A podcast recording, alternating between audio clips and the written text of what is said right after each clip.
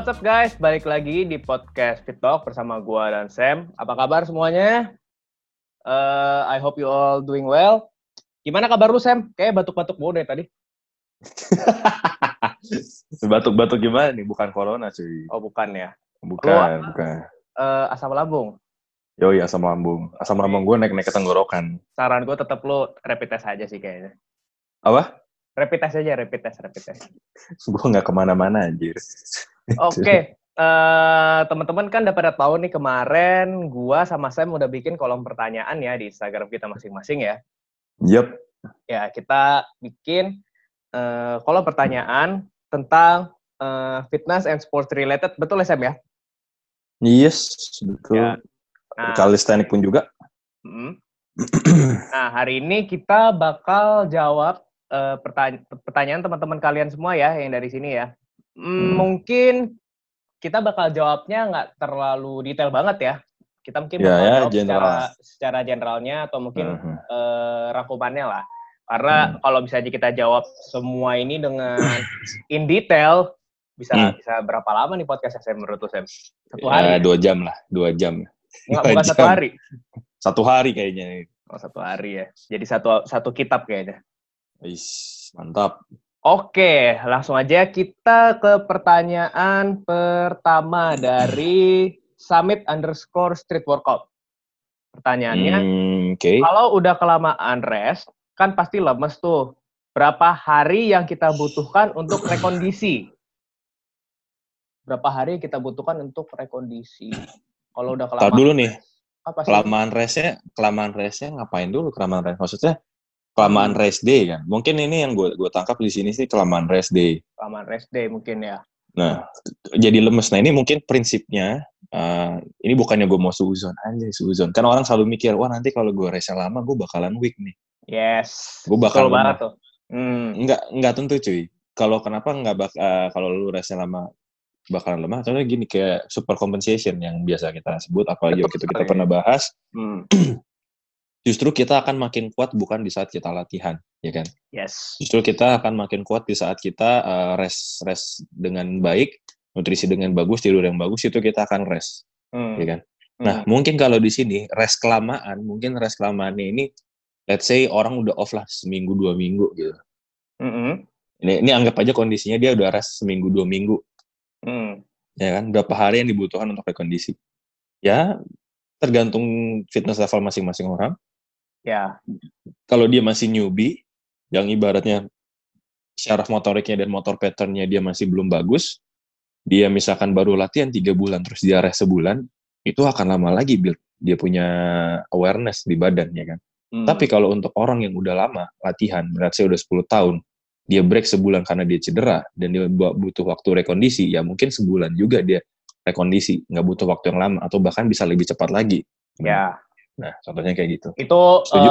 gue setuju banget dengan lo memo berarti menyimpulkan ba- eh, bahwa fitness eh, level orang bakal menentukan seberapa cepat dia untuk rekondisi ya.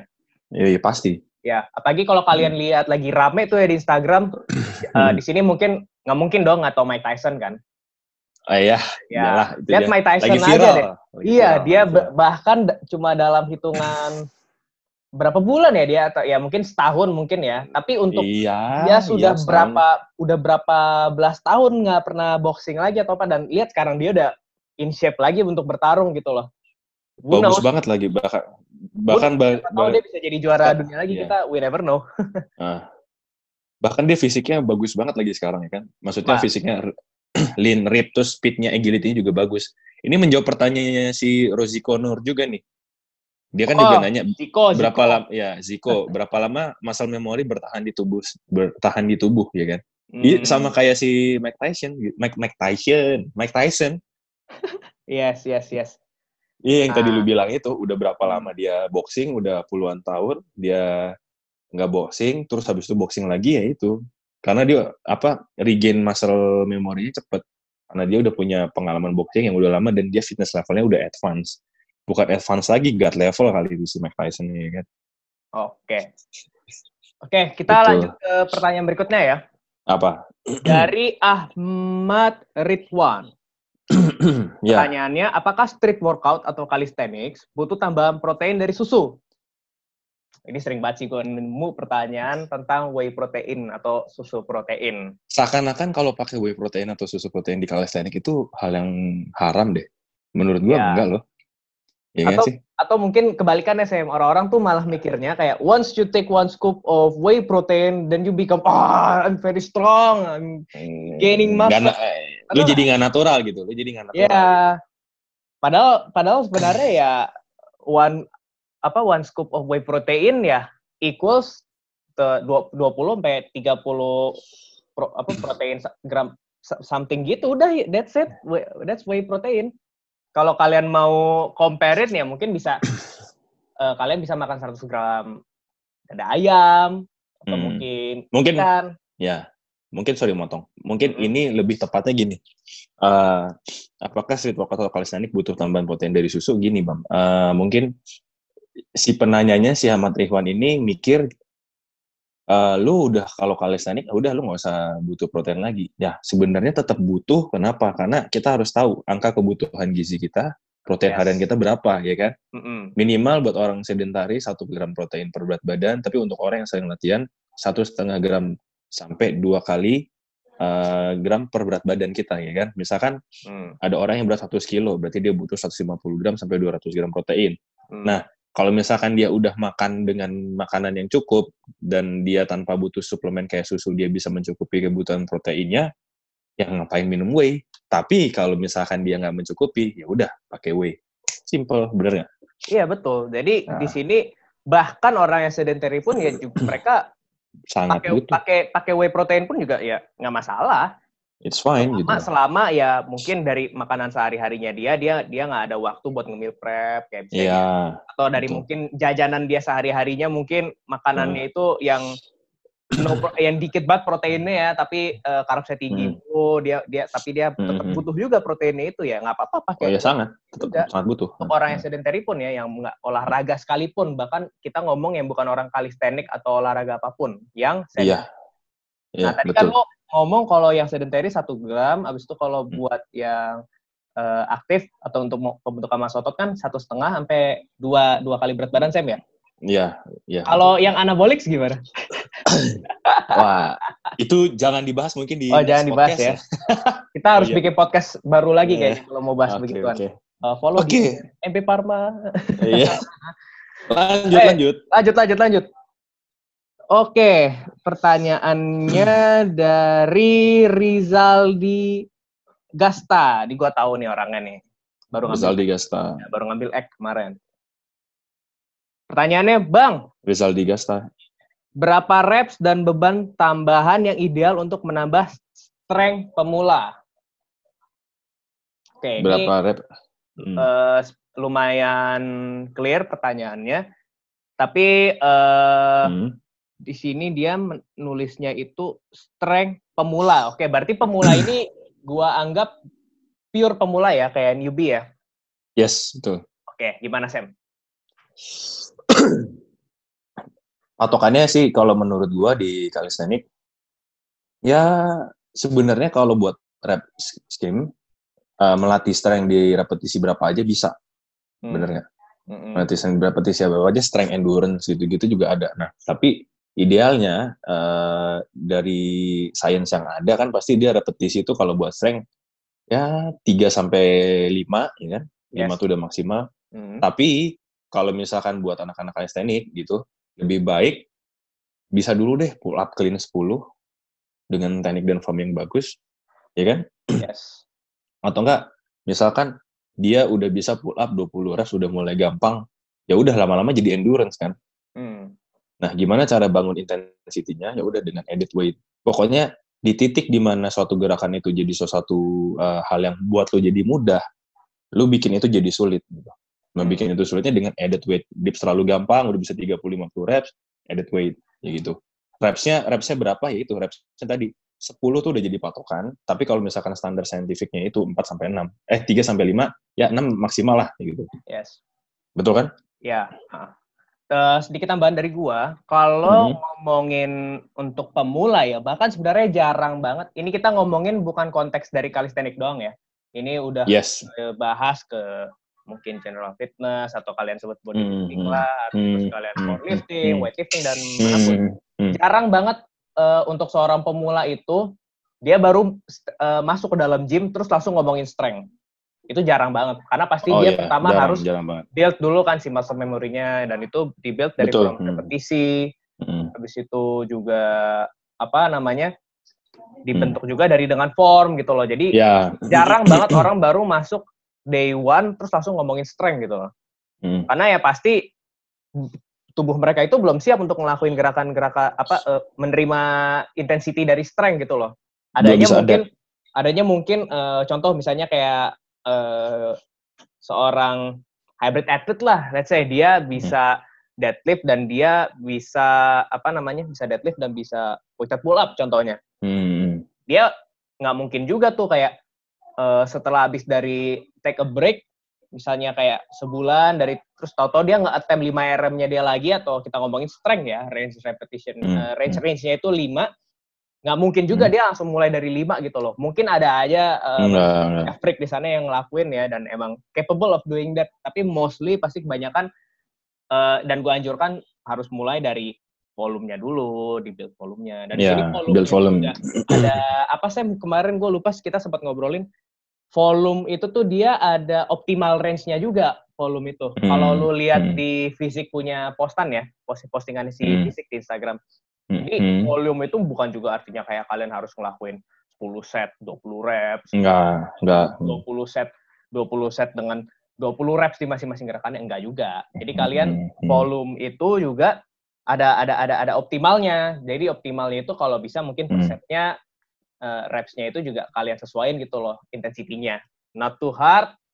Habis itu juga nggak Ya terlalu lebih aku akumulasi sebenarnya, akumulasi.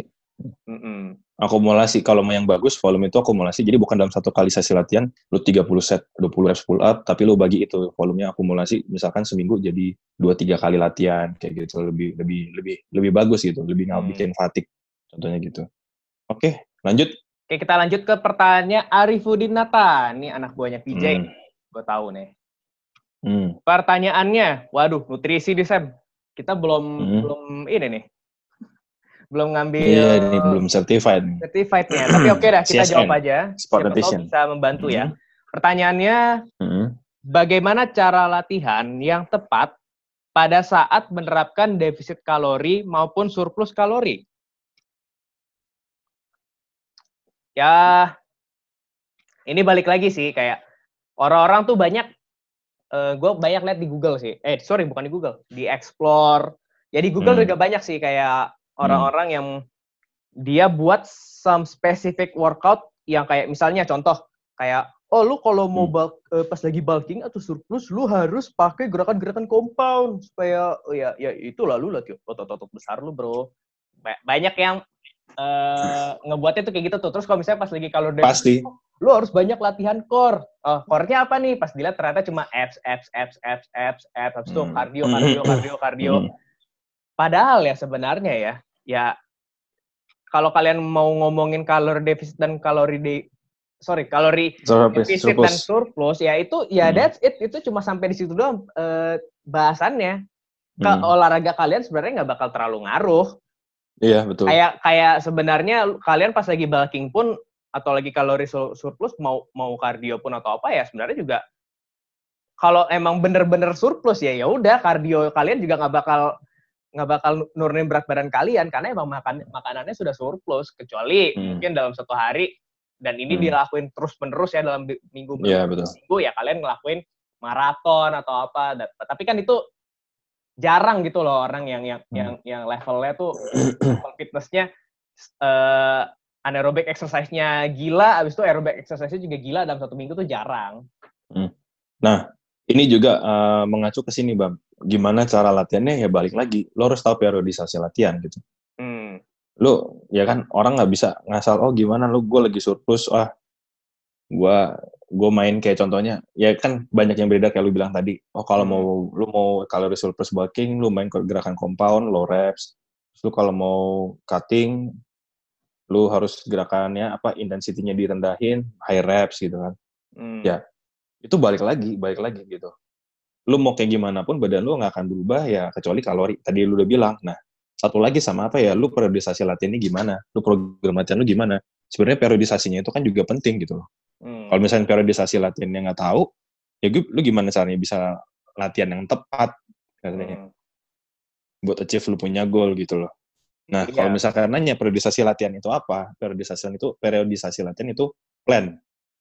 Lu punya plan nggak? Lu dalam sebulan ke depan tuh latihannya apa? Kayak gitu. Dua bulan ke depan latihan apa? Tiga bulan ke depan latihannya apa? Kalau nggak punya latihan kayak gitu, lu tiap hari latihannya ganti-ganti. Misalkan hari ini hari latihan stand. Oh besok gue pengen latihan reps. Oh besok gue pengen latihan freestyle. Yang nggak akan bisa. Lu nggak akan progres gitu loh. Hmm. Kayak gitu contohnya. Ya itulah menjawab. Apalagi. Oke, lanjut ke pertanyaannya Dinolater di Dinolater sebut. Dino Dino LATR ya. Ya, sahabat anak, anak buahnya VJ juga. Anak buah VJ juga. Uh. Oke. Pertanyaan Dia sem semuaran adik gue nih dia. Masalah oh, ya? 25 kilo, 25 kilo 3 rep. Hmm. Nih, pertanyaannya gini. Kenapa banyak orang yang padahal ototnya gede, keker, tapi kok nggak bisa pull up? Hmm. Siapa mau jawab dulu nih? Ini pertanyaannya lumayan sensitif sih. Aduh, ya. Lu dulu deh, Sam. Gue deh. Dulu, Jadi ya? gini bro, gini bro, otot kekar, otot besar itu bukan menandakan sesuatu itu bisa dibilang seseorang itu kuat gitu loh. Hmm. Ini bukannya gue menyinggung menyinggung salah satu orang atau menyinggung salah satu pihak hmm. atau siapa gitu. Karena kan orang selama ini berpikiran, ini kayak sempat kita bahas juga di core, wah kalau perutnya six pack dia akan kuat punya core. Hmm. Nah ini sama sama juga dengan halnya kita ngebahas, wah dia badannya berotot kekar banget nih, wah gila. Dia ini pasti pull up udah bisa 100 kilo nih, dia pasti pull up bisa begini. Hmm. No man, nggak nggak kayak gitu gitu loh. Hmm. Karena balik lagi ada orang yang tujuannya latihannya cuma buat bentuk otot, secara estetik di badannya tuh bagus gitu loh. Hmm. Badannya bagus maksudnya proporsional lah badannya bagus, bahunya bagus, chestnya bagus, backnya bagus, armnya bagus, kakinya juga bagus dan simetris gitu. Karena dia ngincarnya ke situ gitu. Hmm. Bukan berarti orang kayak gitu nggak melatih strength, melatih strength, tapi mereka lebih melatih gimana caranya komposisi badan mereka, bentuk tubuh otot mereka, masa otot mereka tuh bagus gitu loh. Dan dilihat uh, secara visual, wah oh, ini orang keren nih badannya hmm. gitu. Itu. Nah, beda dengan halnya kayak orang kayak kalistenik, kayak kalistenik kan tujuannya apa? Tujuannya emang di, mereka ngelatih how to be strength, uh, how to be strong. Uh, misalkan ngangkat berapa berapa beban maksimal dengan pull up, dengan dips atau berapa banyak repetisi push up, berapa, berapa banyak repetisi pull up, berapa banyak repetisi dips. Karena emang tujuannya ke situ, makanya kuat-kuat punya pull up, punya dips, punya muscle up. Gitu. Jadi nggak bisa dibandingin sama sama lain. Gitu. Hmm. Kalau dari lu bang? ya pokoknya gue menggarisbawahi tadi statement itu berarti lebih kayak balik lagi ke target orang ya, goals orang beda-beda. Ya, kan? target orang hmm, nah. pasti beda, pasti beda. Ya, nih gue gue kasih satu skenario sih. Kalau misalnya nih ada uh, orang lain nih, misalnya let's say uh, lu jalan-jalan ke keluar lain, bukan ke tempat kalistenik doang, terus lu ke tempat nah. yang relatif yang paling dekat dulu aja deh, parkur contoh. Karena kan dulu nah. anak-anak anak orang-orang pasti bilangnya kayak itu lu latihan parkur ya dulu tuh zaman-zaman kalistenik hmm. belum terlalu terkenal. Oke, hmm. kita ngomongin usah gym dulu deh. Kita ngomongin hmm. yang relatifnya eh, masih rada relatif dikit dengan kalistenik parkur. Nah sekarang hmm. kebetulan orang yang parkur itu badannya juga lumayan six pack, ada six packnya, terus hmm. badannya juga agak ke develop dikit. Terus dia bisa backflip. Hmm. Terus dia ngelihat hmm. lo, dia terus dia ngelihat lo, terus lo nggak bisa backflip, terus dia bakal tanya bales nih ke lo, oh badan lu keker hmm. tapi nggak bisa backflip. nah iya, ya bisa. Beda beda beda goals, beda goals. Nggak bisa nggak bisa. That's bisa, it, itu ya. Nggak bisa disamain. Nggak bisa disamain. Iya, Atau betul. mungkin kalau tambahan lagi dari gua, Hmm. Badan lu keker tapi kok lu nggak bisa 240 kilo deadlift? nah, itu itu beda banget sih. Oh, itu maaf, maaf, maaf, maaf. itu itu itu beda banget sih, ya kan? Ya baik lagi goals dan tujuannya beda. Sip. Oke, lanjut. lanjut ke pertanyaan dari Rian Neptra. Yang Neptra nanyanya itu kalau atau full day pemanasan kaki perlu nggak? Kadang kadangan mager sih. Hahaha. wak wak wak wak. Wak wak wak wak. Kalau menurut lu? Nah, di sini ini hmm. uh, kalau gue nangkap sih sebenarnya pertanyaan dia ini nih push atau pullnya itu berarti kalistenik kan? Push atau pull itu calisthenic berarti misalnya kayak eh, dips atau pull up gitu. Tapi kalau Hmm. misalnya kita ngomongin general ya, Hmm. push pun push itu juga bukan cuma dips, bukan cuma itu doang. Ada Hmm. misalnya kalau kita ngomongin generalnya ada bench press, terus ada squat. Nah, tapi Hmm. oke lah, gua nangkep pertanyaan eh, Ria Neptra ini calisthenic ya. Hmm. Oke, perlu nggak sih sebenarnya push eh, pas lagi mau push atau pull itu kita pemanasan kaki? Kalau gua ya, kalau gua, eh, gua lumayan yakin dengan level fitness gua dan gua yakin Hmm. dengan form gua. Maksudnya, Hmm. jadi contoh pas gue lagi ngelakuin pull up, gue nggak bakal ngelakuin gerakan-gerakan necessary movement kayak misalnya nge-keeping kaki gue atau mungkin terlalu overly arch uh, lower back gue. Dengan kata Yep. lain itu kaki gue kan yang aktif Hmm. kan. Nah Hmm. itu kalau gue ya. Nah tapi mungkin kalau orang yang masih struggling dengan form mereka, misalnya kayak masih suka ada uh, anggota tubuh lain yang ikutan pada saat ngelakuin dips, pada saat ngelakuin pull up atau mungkin Hmm. banyak kayak small small detail kayak orang-orang mungkin pas lagi pull up atau dips tuh kakinya eh, ada yang ngepelantar, ada yang nge- ngedorsi. Oh iya, yang ada sih. ya. Aduh itu bahasanya Hmm. susah banget ya.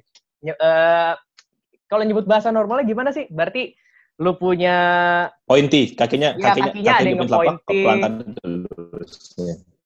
kakinya ada yang ngepointing, ada yang enggak gitu loh. Nah itu kadang-kadang Hmm. tetap ada perlu-perlunya juga sih karena kadang-kadang ada orang yang lagi kayak gitu malah toto betisnya kram pas lagi pull up kadang-kadang pas lagi dips Hmm. juga ada yang bisa kram dipsnya eh, apa namanya betisnya dan bahkan kadang-kadang ketika Hmm. orang lagi ngelakuin L hang atau mungkin L sit aja ya bahkan tuh kadang-kadang pahanya suka kram loh Fleksornya.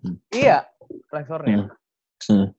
Betul. jadi apakah perlu atau enggak ya sebenarnya eh, it's up to you Kalau iya, kalau gue kalau gue sendiri, ya kalau dari gue sendiri soal gue motong, Mm-mm. kalau gue sendiri, gue pasti full body sih bang. Kalau gue latihan, satu Hmm. kenapa buat eh, heart rate naikin heart rate, karena kan kalau misalkan full body lebih efektif buat naikin heart rate gitu. Nah, Hmm. tapi kalau misalkan lagi upper body, mungkin uh, lower body-nya gue nggak begitu spesifik.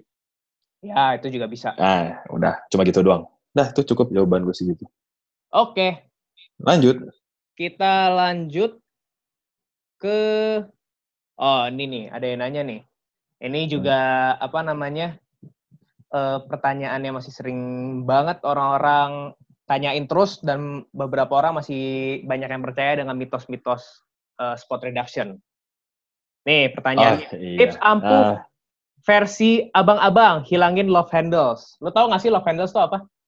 tahu tahu. Oh tahu kan pasti Yang ya. di samping. tahu lah. Yes. Ah, gimana Sam? Nggak ada spot reduction cuma Yes. cara lu nggak bisa lu nggak bisa spot reduction lu nggak bisa ngecilin lemak di lengan lu nggak bisa ngecilin lemak di perut lu nggak bisa ngecilin lemak di paha lu nggak bisa nge- ngecilin lemak di leher kalau nggak ada satu hal yang nggak lu lakuin apa itu halnya kalori defisit Yes. kalau lu nggak kalori defisit dan lu nggak latihan ya lu gimana bisa mau ngecilin itu karena yang dikecilin lemak itu badan kita nggak bisa nentuin kecilin lemak di mana gitu Hmm. yang yang yang bisa dilakukan adalah menghilangkan semua lemak yang ada di dalam tubuh dah itu aja jawabannya Ya, atau mungkin kalau kalian males kalau defisit, ya lakuin kardio lebih lebih lebih berat aja. Atau ya mungkin kalau itu ya kita pernah bahas itu juga tuh di podcast kita ya. sebelumnya. Mm-mm. nanti lihat aja di episode selanjutnya gimana caranya Oke, bisa di scroll. Episode kita Bisa juga udah lumayan banyak. yup Oke, lanjut lagi ke pertanyaan dari Han Wafa. Bagaimana cara kalistenik kasih hasil bentuk dan stamina tubuh melebihi latihan beban di gym? Setuju nggak? gua gua nggak setuju sih Gue sih nggak setuju juga sih. Meskipun gua, kalistenik ya meskipun gue seorang ya. practitioner kalistenik dan gue Eh. juga apa namanya eh, certified di Eh. kalistenik pun spesialis, Hmm. tapi ya gue pun kurang setuju sih kayak enggak enggak setuju kalistenik itu tuh above all gitu loh. Superior. Enggak enggak enggak bisa. Hmm. kalistenik kayak superior gitu. Eh, lu bahkan bisa naikin stamina tubuh lu pakai latihan beban di gym. Contohnya apa? Lu kalau lihat atlet, atlet crossfit Mm. itu mereka latihannya angkat beban. Ya latihannya angkat beban tapi stamina-nya gila-gila.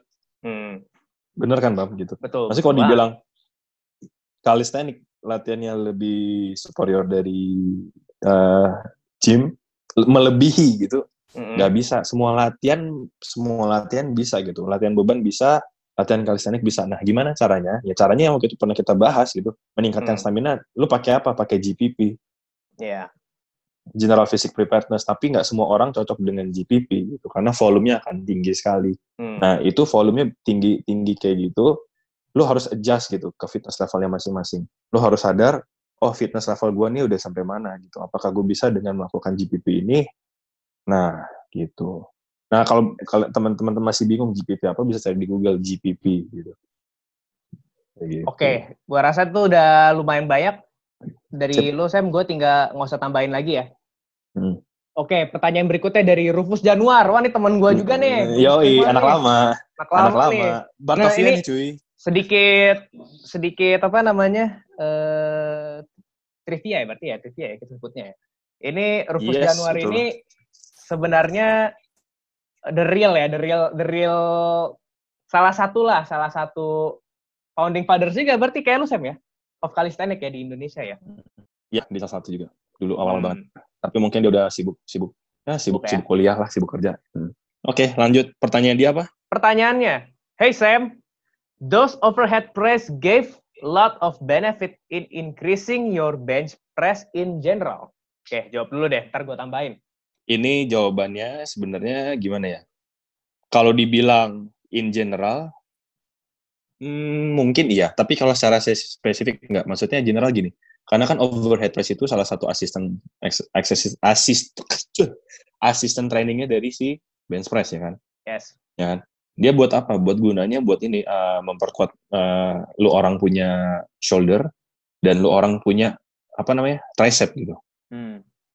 Nah itu tuh tergantung tergantung dari masing-masing orang. Ada orang yang emang shoulder dan tricepnya udah kuat, semakin dikasih overhead press ya bench pressnya bisa lebih kuat lagi. Ada orang yang benar-benar lemah banget bahunya, ya emang harus ditambah lagi pakai overhead press.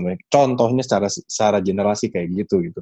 Tapi apakah secara spesifik uh, meningkatkan bench press? Ya lu kalau pengen jago pull up, lu harus latihan pull up. Kalau lu pengen bench press tuh bagus, ya lu bench pressnya harus frekuensinya lebih tinggi. Hmm. Justru bukan overhead pressnya aja gitu.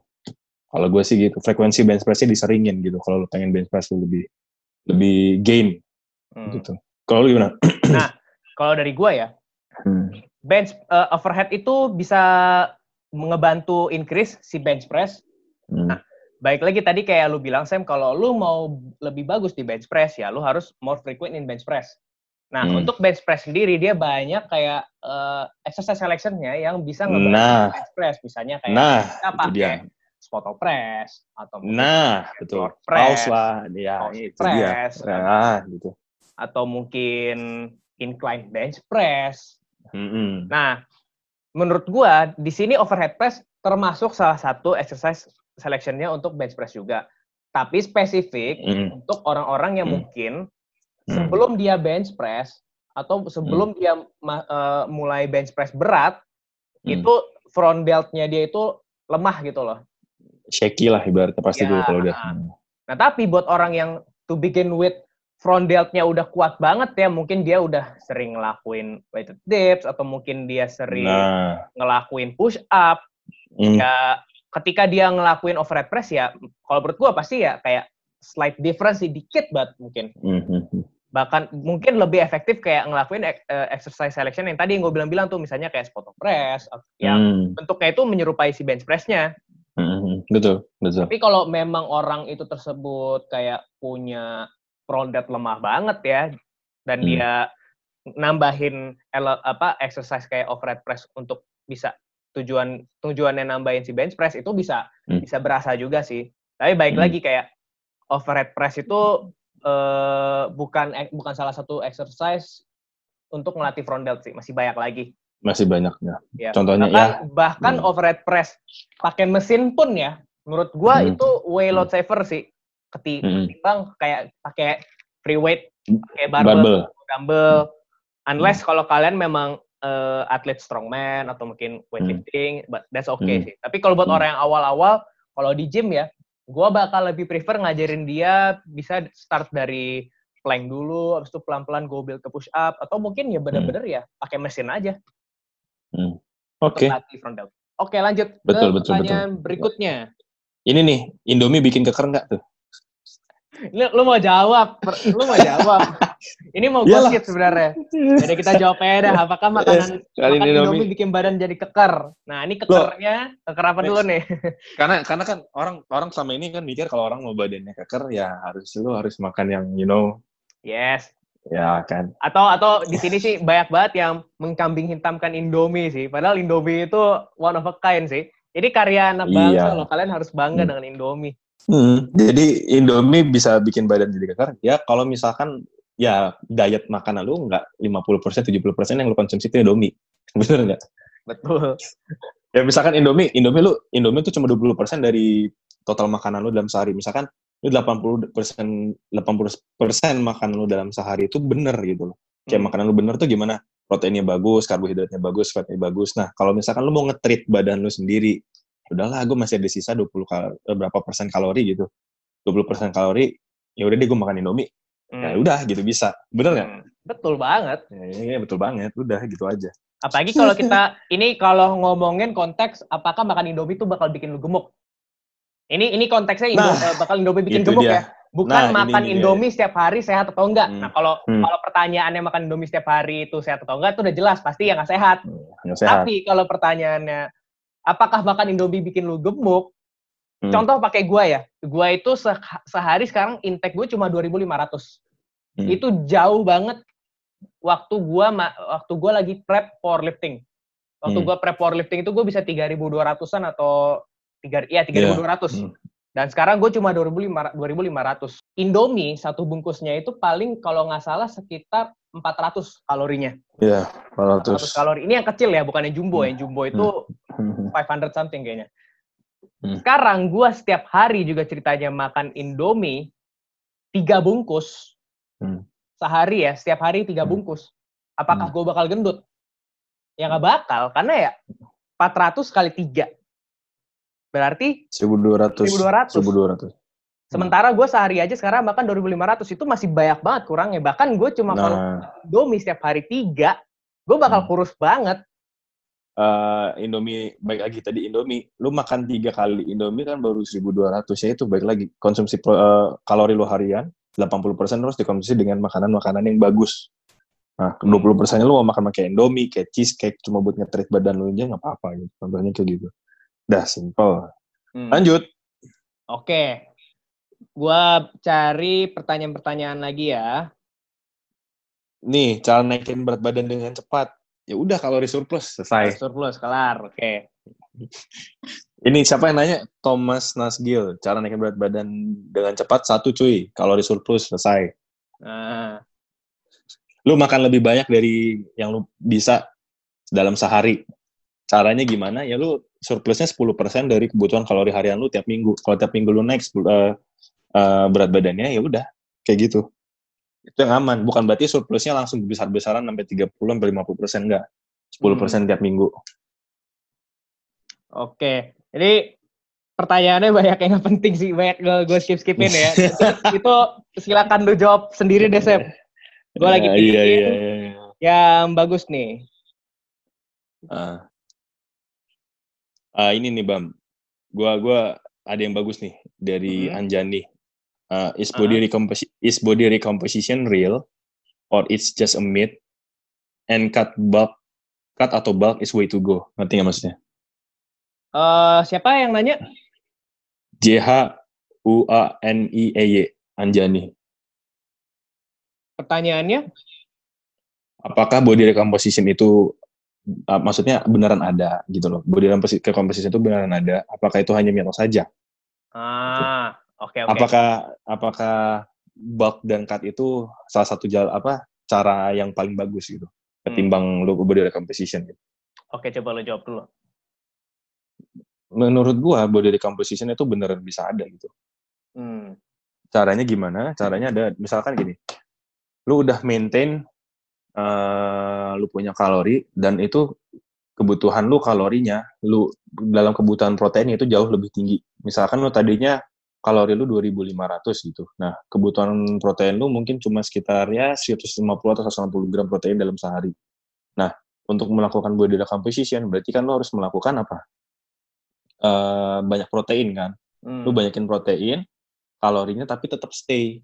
Yang tadi misalkan protein lu 150 sampai 160 dalam sehari, lu naikin jadi 180 sampai 200 misal. Nah, 180 sampai 200 protein dalam sehari itu berarti kan ngambil jatah kalori lebih banyak ketimbang carbs dan fat. Nah, carbs dan fatnya di-cut ke bawah. Hmm. Ngerti nggak maksudnya? Jadi, Iya. mostly yang lo konsumsi dalam sehari itu lebih banyak di protein. Hmm. Bener? Nah, itu Betul. buat jadi sumber energi. Itu Hmm. supaya biar jadi body composition. Nanti, jadi berat badan lo akan tetap sama, tapi muscle-nya justru akan lebih banyak ketimbang lo punya fat. Hmm. Karena gue punya klien beberapa kayak gitu. gitu. Ada klien yang lagi gue latih, berat badannya dia sama-sama 70 kilo, tapi konsumsi proteinnya dia sebelum uh, latihan sama gue, uh, kebutuhan proteinnya dia cuma 100 sampai 120. Hmm. Tapi kalorinya sama, tapi gue naikin dia punya protein jadi 150 sampai 170, tapi kalorinya tetap, carbs dan fatnya gue turunin. Hmm.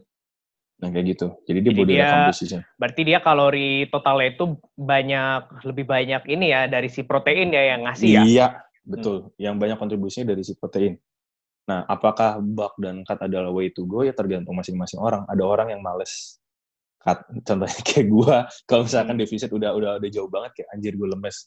Gue mau ngapa-ngapain aja males kayak gitu. Iya. Itu itu preferensi gua sendiri ya. Tapi ada beberapa orang yang mungkin cutnya bagus. Mungkin gue bisa sebut salah satu contoh orangnya si Akbar Gaus. Hmm. si Akbar Gaus dia dia bisa eh sampai 1800 2000 berapa gitu. Dia dari bulk banget bisa cut banget. Nah, gue salut sama orang kayak gitu. gitu. Contohnya Hmm. gitu kan. Apakah tadi ditanya atau cut itu bagus? Kayak gitu. Kalau menurut lo? Eh, kalau menurut gua antara bulk atau cut ya. Kayak kalau kalian mau bulk pun, gua ada saran sebenarnya yang kalian nggak harusnya nyampe force feeding kayak gitu sih sebenarnya sih. Ya. Unless, Tapi unless- apakah body body recomposition lebih bagus dari bulk dan cut? Ya, gue lebih gimana? prefer body recomposition sih ketimbang Hmm. antara bulk- atau cut. Karena gue Hmm. sendiri pun, eh gue pernah ngelakuin bulk dulu tahun-tahun 2015 ke ya 2015 lah dulu gue ngelakuin bulk itu bener-bener kayak bulknya itu parah banget sih. Jadi gue nambah 10 kilo, 10 kilo dalam hitungan satu bulan, dua bulan, gue nambah 10 kilo. Tapi habis itu ya gue kehilangan kehilangan banyak apa gue bukan kehilangan sebenarnya strength gue sama tapi karena berat Hmm. badan gue naik akhirnya ya gue Hmm. kayak ngelakuin pull up ngelakuin dips itu jadi Berat. berat jadi lebih berat Hmm. Hmm. Nah, sebenarnya kalau mau bagusnya itu ya kalian eh ya misalnya disebutnya juga bukan bukan ya berdiri composition aja sih sebenarnya jadi kayak Mhm. kalian ya biarin aja ya si si masa otot kalian itu tuh nambah nambah sendiri bit by bit gitu loh dengan dengan dengan body fat dan berat kalian yang kalian nyaman gitu loh jadi jangan Hmm. terlalu ekstrim juga kalau defisitnya Hmm. jangan karena apa tujuannya gitu loh kayak kalian body fat rendah tapi setiap hari bawaannya lapar mulu ya nggak sih Cranky. itu nggak enak itu nggak enak banget Ya. bahkan Hmm. kayak eh body bodybuilder bodybuilder mereka pas lagi hamin berapa sebelum pertandingan ya itu mereka memang standar tuh untuk pertandingan body fatnya mereka itu bisa single digit doang kan ya Hmm. tapi setelah kelar ko- kompetisi itu ya mereka balik lagi ke berat badan Hmm. apa atau ke body fat yang mereka nyaman gitu loh Hmm. mereka Pokoknya itu ba- terlihat balik lagi Mm-mm. balik lagi intinya kalau itu disuruh milih uh, bulk atau cut atau body recomposition balik lagi ke goalsnya kalau lu Hmm. nggak ada keinginan misalkan buat kompetisi gitu kan kayak lu bilang tadi buat keinginan buat kompetisi lu ngapain bulk dan cut yang se ekstrim mungkin gitu yes kalau cuma orang yang sedentari atau lu orang uh, fitness uh, entusias yang rekreasional yang biasa lu bisa aja body recomposition gitu di Hmm. body weight yang lu nyaman dengan uh, tadi porsi kalorinya itu lebih banyak di take over dengan protein gitu Hmm. jadi nggak ada yang namanya body recomposition menurut gua itu myth. Hmm. Nah, kayak gitu. Simpelnya gitu aja sih bang, bener nggak? oke betul Betul. oke Lanjut. pertanyaan dari Welly Hmm. Welly nanyanya, setiap mau naikin beban, biasanya Hmm. minimal harus berapa repetisi? Jadi misalnya dips 60 kilo mau ke 70 kilo. Beli program kita nanti at Power Tenix. Ya, setuju. setuju. Promosi. Bisa, bisa, bisa. Beli program kita nanti at Power. Oke. Caranya udah simple. Gimana uh, berapa minim- minimal repetisi bla bla bla dips 60 kilo menjadi 60, 70 kilo. Satu Hmm, prinsipnya kita sudah pasti setuju apa Bam? Periodisasi. periodisasi. Periodisasinya harus jelas gimana dulu. Mau naikin beban berarti kan lu ini di sini berbicara tentang strength. Mm-mm. Ya udah kalau mau naikin strength ya repetisi berapa, Bam? Tiga, Lima. ya Ya, roughly lima. sampai lima. Ya. Hmm. Nah, ya udah lu latihan misalkan hari ini week satu, hari satu lu latihan 60 kilo 5 kali 5. Ya kan? Mm-mm. Minggu depannya bisa lebih berat lagi atau repsnya lebih banyak, ya kan? Hmm. Itu kan progressive overload. Kita menerapkan Yes, prinsip progressive, progressive overload. overload. Itu yang kedua, periodisasi progressive overload. Progressive overloadnya dari mana? Dari repetisi, beban atau enggak dari set gitu. Hmm. Contohnya ini simpelnya aja. Nanti kalau pengen tahu lagi beli programnya Power Technics. Oke, Betul betul. Gue. Di Nah, follow ya ya Instagramnya. udah. Yoi. Jadi naikinnya itu. Jadi tiap minggu naikin repetisi, naikin set, naikin beban. Dari tiga komponen itu, lu pilih deh yang mana yang mau lu naikin tiap minggu. Gitu. Jadi minggu satu 60 kilo 5 kali 5, minggu 2 62 kilo 5 kali 5, minggu 3 65 kilo 5 kali 5, minggu keempat eh, 67 setengah kilo 5 kali 5. Terus lu di-load dulu. Nah, minggu minggu ke eh, berapa? Limanya lu 70 kilo 5 kali 5. Contohnya kayak gitu. Simpelnya ya, secara Simpel, simpelnya ya, bukan yang ya, ya gitu. Sip. Setuju, Bang? Oke, setuju gue sih setuju banget. Itu udah lengkap. Gue rasa gue gak perlu tambahin apa-apa lagi. Yoi. Oke, ini eh ini lebih kayak nge-clear aja ya. Ini kayak si ada pertanyaan dari Chris Wild sama Randy Pranata. Di sini Chris Wild nanyanya cara build muscle dengan calisthenics dok bro. Thanks. Ya, ya latihan apa pun pasti bakal build muscle sih. Kayak Kayak yang sering dibilang, badan kita nggak bisa uh, ngebedain mana uh, adanya apa ya stimulus dari beban atau dari berat badan kita sendiri. hmm, gitu. Hmm. Cuma mungkin di calisthenics banyak orang-orang yang kayak muscle-nya tuh nggak teroverdevelop kayak bodybuilding atau apa karena ya Iya, calisthenics itu mainly exercise itu kan compound dan exercise itu Hmm. paling cuma dari uh, pull up, habis itu ada dips, habis itu ada Hmm. muscle up, ada push up. Itu itu Hmm. beberapa yang mungkin orang-orang tahu ya, tapi sebenarnya masih banyak lagi. Tapi baik Hmm. lagi kalau kalian mau lebih terfokus isolationnya, kalian bisa pakai alat-alat yang ada di gym. oke, betul. Sama gue mau nambahin, cara build muscle dengan calisthenics. Nah, ini yang pernah gue baca juga dari si Fitness FAQ, si Daniel Fatnal.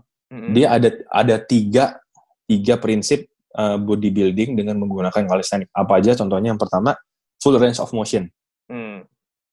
full range of motion eh, itu penting dong ya kan lu kalau mau latihan build muscle ya lu harus full range of motion kayak pull up lu harus full range terus habis itu dipping full range kayak gitu bukan berarti eh, lu pull up seperempat dipping seperempat tuh enggak terus yang kedua isometric Hmm.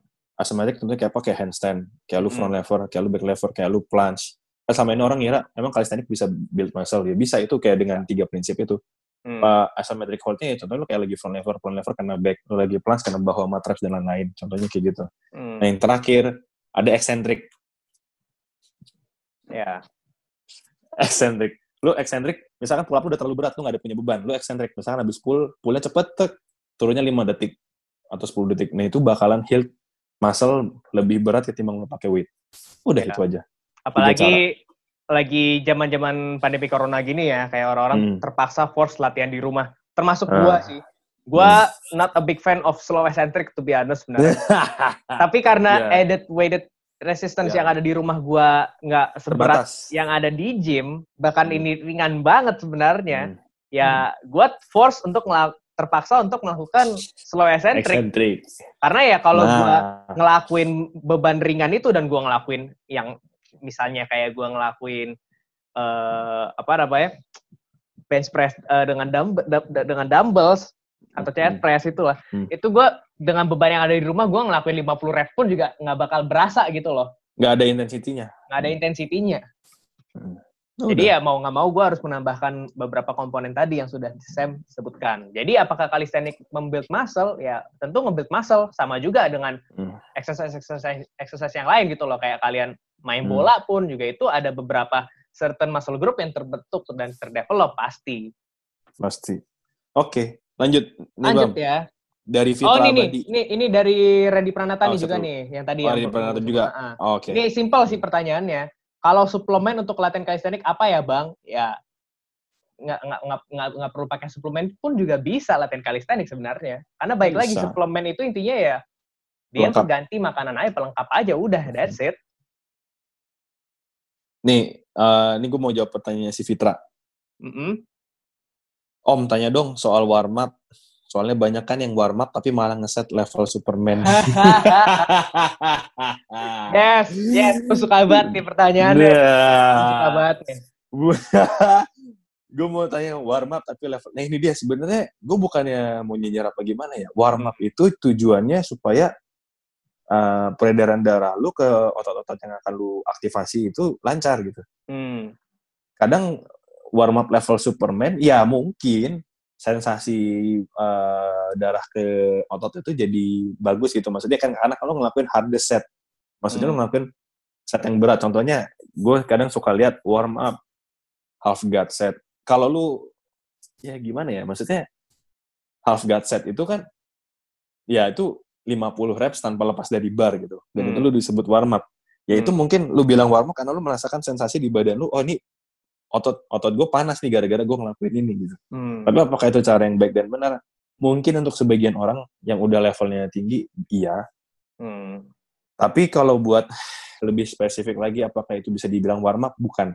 Itu udah masuk exercise. Itu udah warm up itu gimana? exercise. itu udah masuk exercise. Warm up itu yang kayak gimana? Warm up itu how to uh, warm your joint how to your, to warm Hmm. your uh, apa tendon sendi sendi sendi kayak sendi sendi kecil kayak di wrist itu kan Hmm. paling gampang rentan cedera scapula movement scapula stability gitu-gitu itu yang baru Hmm. disebut warm up gitu kan Hmm. jadi ya, ya, simpel simpelnya gitu. misalnya kita contoh aja lah kayak orang-orang mungkin yang kayak bingung tuh kayak warm ups dengan start from your 70% dan build up to 90%. Mungkin banyak masih banyak banget Ah. orang-orang yang bingung ya dengan hal-hal begituan ya. Nah, ini gue bikin simpelnya aja. Contoh kalian mau ngelakuin. Kalian mau ngelakuin bench press contohnya. Terus kalian mau dengan top setnya itu nanti pakai beban 100 kilo. Hmm. Dengan target 100 kilo itu nanti kalian mau ngelakuin 10 reps. Ini Hmm. contoh ya, ini contoh ya. Hmm. Ya udah simpelnya kalian bisa mulai dengan barbel doang. Nggak usah Ya, pakai beban dulu. Hmm. Nah, kalian lakuin repsnya itu berapa? Kalian kan mau Hmm. ngelakuin 10 reps tuh di mindsetnya. Ya at Hmm. least double it lah. Karena kan pasti beban kayak eh, 50% atau mungkin itu berapa RM bisa bisa 20 RM kali ya warm up itu ya Hmm, bener-bener hmm, masih hmm. kategori 20 RM itu kan pasti ringan banget jadi Hmm. jadi kayak kalian ngelakuin 20 reps dengan beban tersebut pun juga kalian nggak bakal nggak bakal low strength kalian nggak bakal berkurang gitu loh bahkan nggak bakal berkurang sampai 10% tapi ya kalian bakal pump pump your muscle your joints untuk intinya persiapan itu intinya warm up itu ya itu tadi lu bukan melakukan sesuatu yang exercise yang berat justru lebih ke warm your muscle tendon Hmm. sendi scapula kayak gitu dah intinya jadi Iya. jangan salah kaprah warm up level superman itu ya mungkin kadang warm up berbalut ego sih menurut gua Jadi jangan kalian mau ngelakuin bench press 100 kilo pakai 10 rep, tapi dari warm up warm up sebelumnya udah ngelakuin 60 kilo 20 reps, habis itu 80 kilo 15 rep, habis itu Nggak, nggak. Eh 90 kilo 10 rep dan kalian masih mau apa masih mau maksain dapat 100 kilo 10 rep. Unless kalau kalian memang ngelakuin itu untuk ya muscle building ya, untuk untuk untuk create intensity-nya ya. Tapi kalau kalian emang dari awal sudah nentuin target mau 100 kilo 10 rep, nah saran gue tadi build eh, warm up-nya bit by bit. Itu aja sih tambahan dikit dari gue. Hmm. terus Thank you banget buat Bang Fitra ya pertanyaannya. Nah. ada yang nanya juga bedanya otot yang dihasilkan di latihan fitness sama calisthenics kayak ini tadi udah dibahas deh Udah, udah, udah tadi dari bahas. udah intinya ya sama aja gitu loh sama aja lu badan lu nggak bisa bedain mana dari uh, stimulus dari beban mana stimulus dari muscle mungkin kalau misalkan dibilang beda mungkin bedanya tadi itu uh, yang satu mungkin fitnessnya ini orang-orang tuh masih di sini beranggapan fitness itu uh, bodybuilding loh Hmm. padahal fitness itu general gitu maksudnya lu nggak cuma bodybuilding strength training aja juga juga lu fitness gitu Nah, Hmm. jadi ini uh, kalau dibilang beda apa enggak, mungkin beda kalau lu lihat seginya dari segi bodybuilding. Hmm. Dari segi bodybuilding karena kan balik lagi satu ngelatih strength, ya apakah bodybuilding yang latihan strength tetap latihan strength tapi beda. Tentunya Hmm. gitu. Sip, lanjut. Lanjut. Ah, ini ada pertanyaan dari champ kita nih, champ powerlifting kita nih. Ah, Andre Yoga 11. Ini Iya. juga pertanyaannya dari gua nih. Nah, ini pertanyaannya, apa penyebab fasilitas powerlifting yang memadai masih jarang di Indonesia? hmm. Oke, siapa dulu nih mau jawab nih? Kalau gue bilang, gue dulu, gue bilang uh, peminatnya belum sebanyak, peminatnya belum banyak. Hmm, Kenapa? Ya gini, uh, fasilitas akan ada kalau misalkan peminatnya udah banyak gitu. mm-mm, Kayak kita dulu fasilitas kalistenik dulu nggak banyak, kenapa? Peminatnya belum banyak gitu. mm-mm, Tapi sekarang kenapa fasilitas kalistenik itu udah mulai kelihatan banyak? Ya karena peminatnya orang-orang udah mulai sadar, oh ini kalistenik gitu, hmm. ya kan? Contohnya gitu. Itu kalau. Nah, eh, baik lagi sih, ini kalau dari gua ya, dari view gua ya, Hmm, hmm. balik lagi ke situasi negara. Hmm. Baik, kita harus tahu juga kayak Indonesia ini masih negara berkembang. Hmm. Jadi dengan adanya negara berkembang pasti banyak tuh kayak eh, tujuan baik dari masyarakatnya, tapi kayak masih belum belum terrealisasi gitu loh karena kita Hmm. punya dana atau subsidi itu masih banyak dipakai kayak ke pembangunan, misalnya kayak buat Hmm. jalan atau mungkin kayak Hmm. bantuan ke daerah-daerah.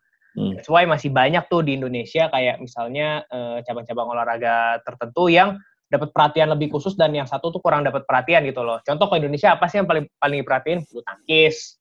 Nah, jadi bulu tangkis kan udah banyak tuh bahkan bukan bukan orang Indonesia doang yang mau jadi atlet bulu tangkis tapi kayak banyak tuh atlet-atlet di luar negeri yang kayak wah gue pingin pingin bootcamp gue pingin eh, training nih di di Indonesia Ya. gitu atau mungkin Hmm, hmm. selain bulu tangkis di Indonesia juga ada silat gitu kan silat tuh juga Hmm. Indonesia pasti menang mulu kan setiap ada sea games Hmm. atau apa banyak tuh pasti tuh kayak atlet-atlet silat lain yang kayak oh gue pingin try out juga nih ke Indonesia atau apa Hmm. nah untuk powerlifting gimana cara powerlifting bisa maju di Indonesia gue sebenarnya udah ngeliat udah banyak banget eh sepertinya belum jadi asosiasi ya tapi gue udah ngeliat banget kayak ngadain ngadain event yang eh, di luar Hmm. dinas ya berarti ini swasta lah Hmm, hmm, ya sebenarnya Hmm. hampir mirip kayak kita dulu start aksi sih ya Sam ya hmm, hmm, betul. kalau Bukan kalian nasi lagi dari Workout Indonesia malah. yes dari dari Street Workout Indonesia Hmm. intinya kalau kalian mau maju ya atau kalau kalau kalian nggak bisa nemuin orang yang bisa atau platform yang bisa membantu kalian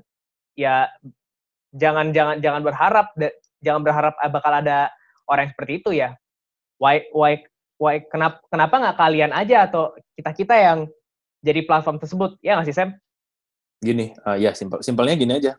Lu lu aja deh yang lu aja deh yang bertindak, gak usah lu nanya Hmm. gitu lu lu yang bertindak, lu yang bikin, Hmm. lu yang bikin kembangin ke powerlifting, maka nanti lu pasti akan ada menghadirkan fasilitas powerlifting memadai di Indonesia. Itu cara. ngelihat powerlifting Indonesia, di Indonesia udah banyak banget kok yang capable of doing yang mungkin ya nanti di di masa depan masa depan masih kita bisa banyak tuh kayak ngasih atlet-atlet Indonesia lagi bisa ikut di IPF. Ini untuk raw ya, untuk raw ya. Gue yakin sih sebenarnya masih banyak banget potensi-potensi. Dan gue Hmm. yakin tahun ini eh, bukan cuma powerlifting, eh, semuanya bakal maju sih Indonesia setelah Hmm. dari padamnya corona ini ya. Hmm. Let's hope. Oke, lanjut. Oke, lanjut pertanyaan dari ini udah dijawab belum sih yang Abi Eza tadi? Belum? Belum ya. Pertanyaannya in terms of time, apakah progressing di calisthenic lebih lama or lebih cepat dibandingkan weight? Ini ada T mungkin weight training kali ya. Hmm. Oke. Dia pertanyaannya in terms of time. Hmm. Berarti dalam dalam dalam suatu durasi ya. Apakah Hmm. kalistenik ini lebih lama atau lebih cepat? Nah, kalau dari gua jawabannya untuk orang yang eh, berat badannya berat badannya nggak terlalu overweight, dia pasti bakal lebih mudah pertama progressing latihan di calisthenics. Ya, orang yang pendek dan nggak nggak berat justru lebih gampang. Simpelnya gitu. Yes. Pendek, Dan pendek dan dan berat gampang. dan bahkan eh, ini bukan cuma di calisthenics doang, hampir di semua olahraga kayak misalnya di powerlifting pun atau mungkin di Hmm. weightlifting pun. Tapi juga bukan Betul. orang yang terlalu kurus ya, tapi mostly orang-orang yang badannya Hmm. lebih lighter, mereka pasti bakal lebih gampang sih latihannya untuk yang berbase base trainingnya itu body weight training. Karena baik lagi namanya aja body weight training. Hmm. Nah, tapi apakah Semakin itu, orang-orang itu. yang Hmm. overweight nggak bisa latihan calisthenics? Hmm. Tentu saja mereka masih bisa tempo uh, overweightnya overweightnya bukan berarti overweight yang uh, obese ya mm -mm. yang obesitas tapi overweightnya maksudnya gini yang beratnya di atas 80 bahkan 100 itu gitu mm -mm.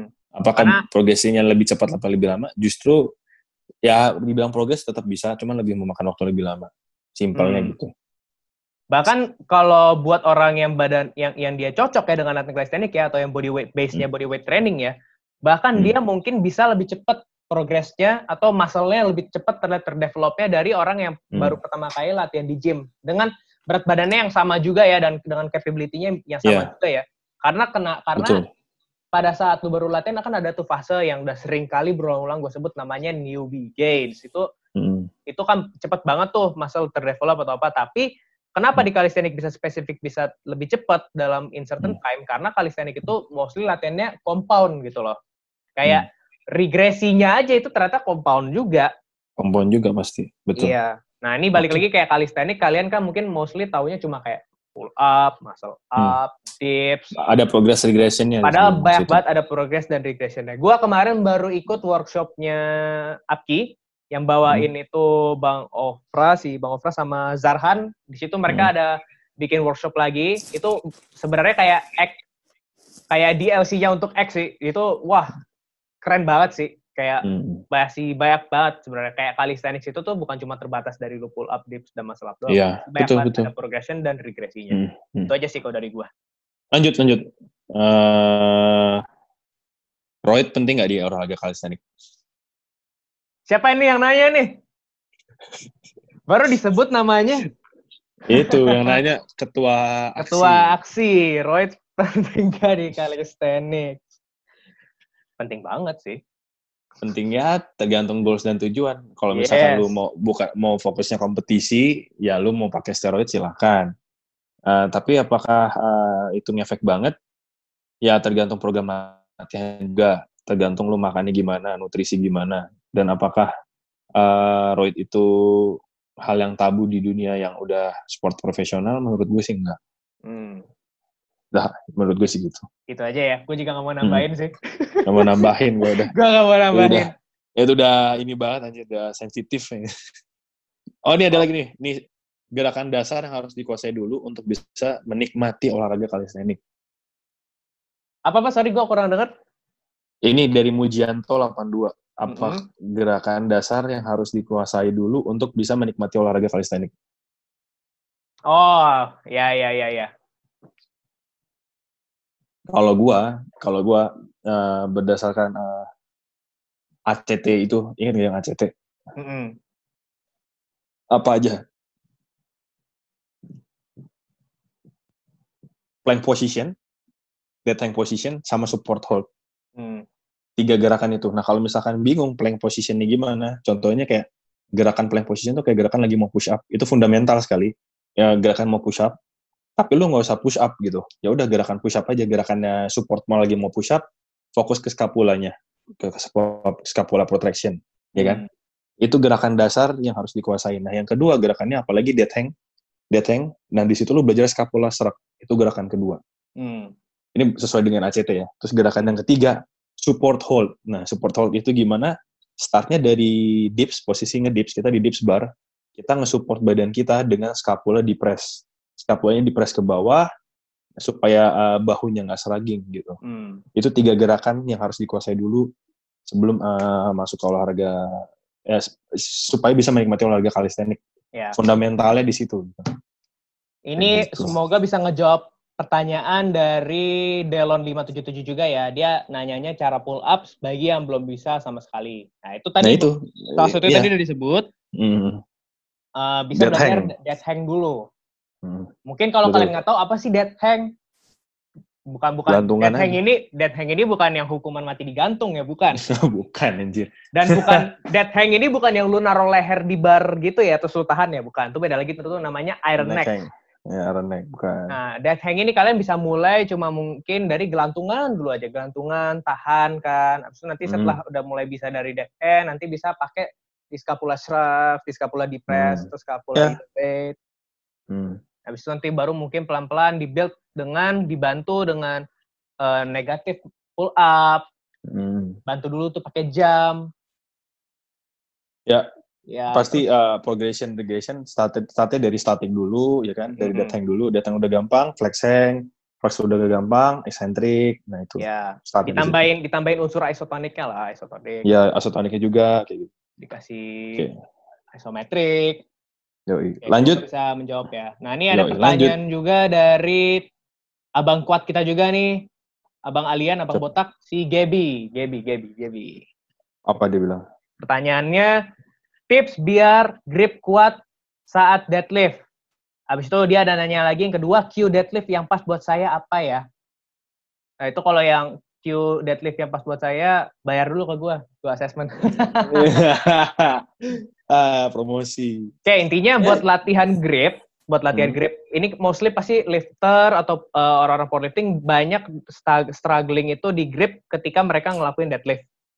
Biasanya Hmm. ada orang yang memang uh, ketika dia pas deadlift, contoh kayak gue sih, kayak gue jarang banget pas kompetisi gue pakai hook grip, karena gue emang kurang nyaman dengan hook grip. Hmm. Kalau masalah grip, sebenarnya gue ya, gue pernah ngetes warna RM ya, gue bisa-bisa juga pakai pakai hook grip dan gue dan sebenarnya hook grip itu pasti lebih nyaman sih ya memang untuk Eh, melakukan. langsung langsung ke jawabannya aja apa? Intinya sih. Apa bisa ditambah dengan exercise-exercise kayak misalnya pakai dead hang, yep dead hang atau mungkin kalian bisa eh, tambahin fat grip ya. Tahu kan fat grip? ya fat grip fat grip Fat Eh, grip, itu. ah, fat grip tuh bisa dita- ditambahin tuh misalnya di handles, di Hmm. mesin pada saat kalian ngelakuin uh, Hmm. exercise, Hmm. pas lagi lat pull down atau mungkin Hmm. lagi horizontal row atau mungkin di Hmm. dumbbell juga bisa dipasang. Iya Terus betul juga kalian bisa ngelakuin gerakan-gerakan carry sih, misalnya kayak farmer squat. Itu bisa Iya, ditambahin juga betul. tuh elemen-elemen carry. Mm. Kalau dari lu Sam apa aja? udah itu udah jawab semua sih Pokoknya intinya intinya gitu Eh, perkuat forearm selesai caranya gimana tadi udah lu sebut semua Ya, Oke. so kalau kalau memang mau hook grip ya latih hook grip sih. Hmm. Tapi jangan just just don't hook grip all the time aja. ya oke ini mungkin pertanyaan terakhir nih bang Oke. Eh, ini juga menjawab kisi eh, orang yang menanya eh, gimana sih bang buat program set and rep dan exercise kayak contohnya buat naikin masa otot atau buat naikin beban pull up ya tadi udah dijawab di awal Eh, Mhm. semua itu baik lagi kalian harus tahu periodisasinya gimana Mhm. kalian harus bikin periodisasi kalian gimana kalian harus tentuin periodisasi latihan kalian itu eh, buat berapa bulan ke depan gitu Hmm. kalau kalian pengen pengen tahu lebih lanjut ya kalian bisa google gitu tapi kalau Hmm. kalian pengen lebih terpercaya progresnya atau gimana DM Power Technics Yo, eh. kita kita menerima online coaching dan virtual coaching Oke. intinya sih gitu udah sih Sebenarnya masih banyak ya pertanyaan-pertanyaannya. Ya, ya. Next time banyak. kita bakal buat kayak gini lagi sih ya. oke heeh. Hmm, bisa lah kita, kita lagi. buat lagi. Hmm. Oke, buat teman-teman yang udah dengerin dari awal sampai akhir, thank you banget. Hmm. Eh, jangan lupa follow Instagramnya I Get Fit dan juga di follow juga nih di Spotify eh, Fit Talk.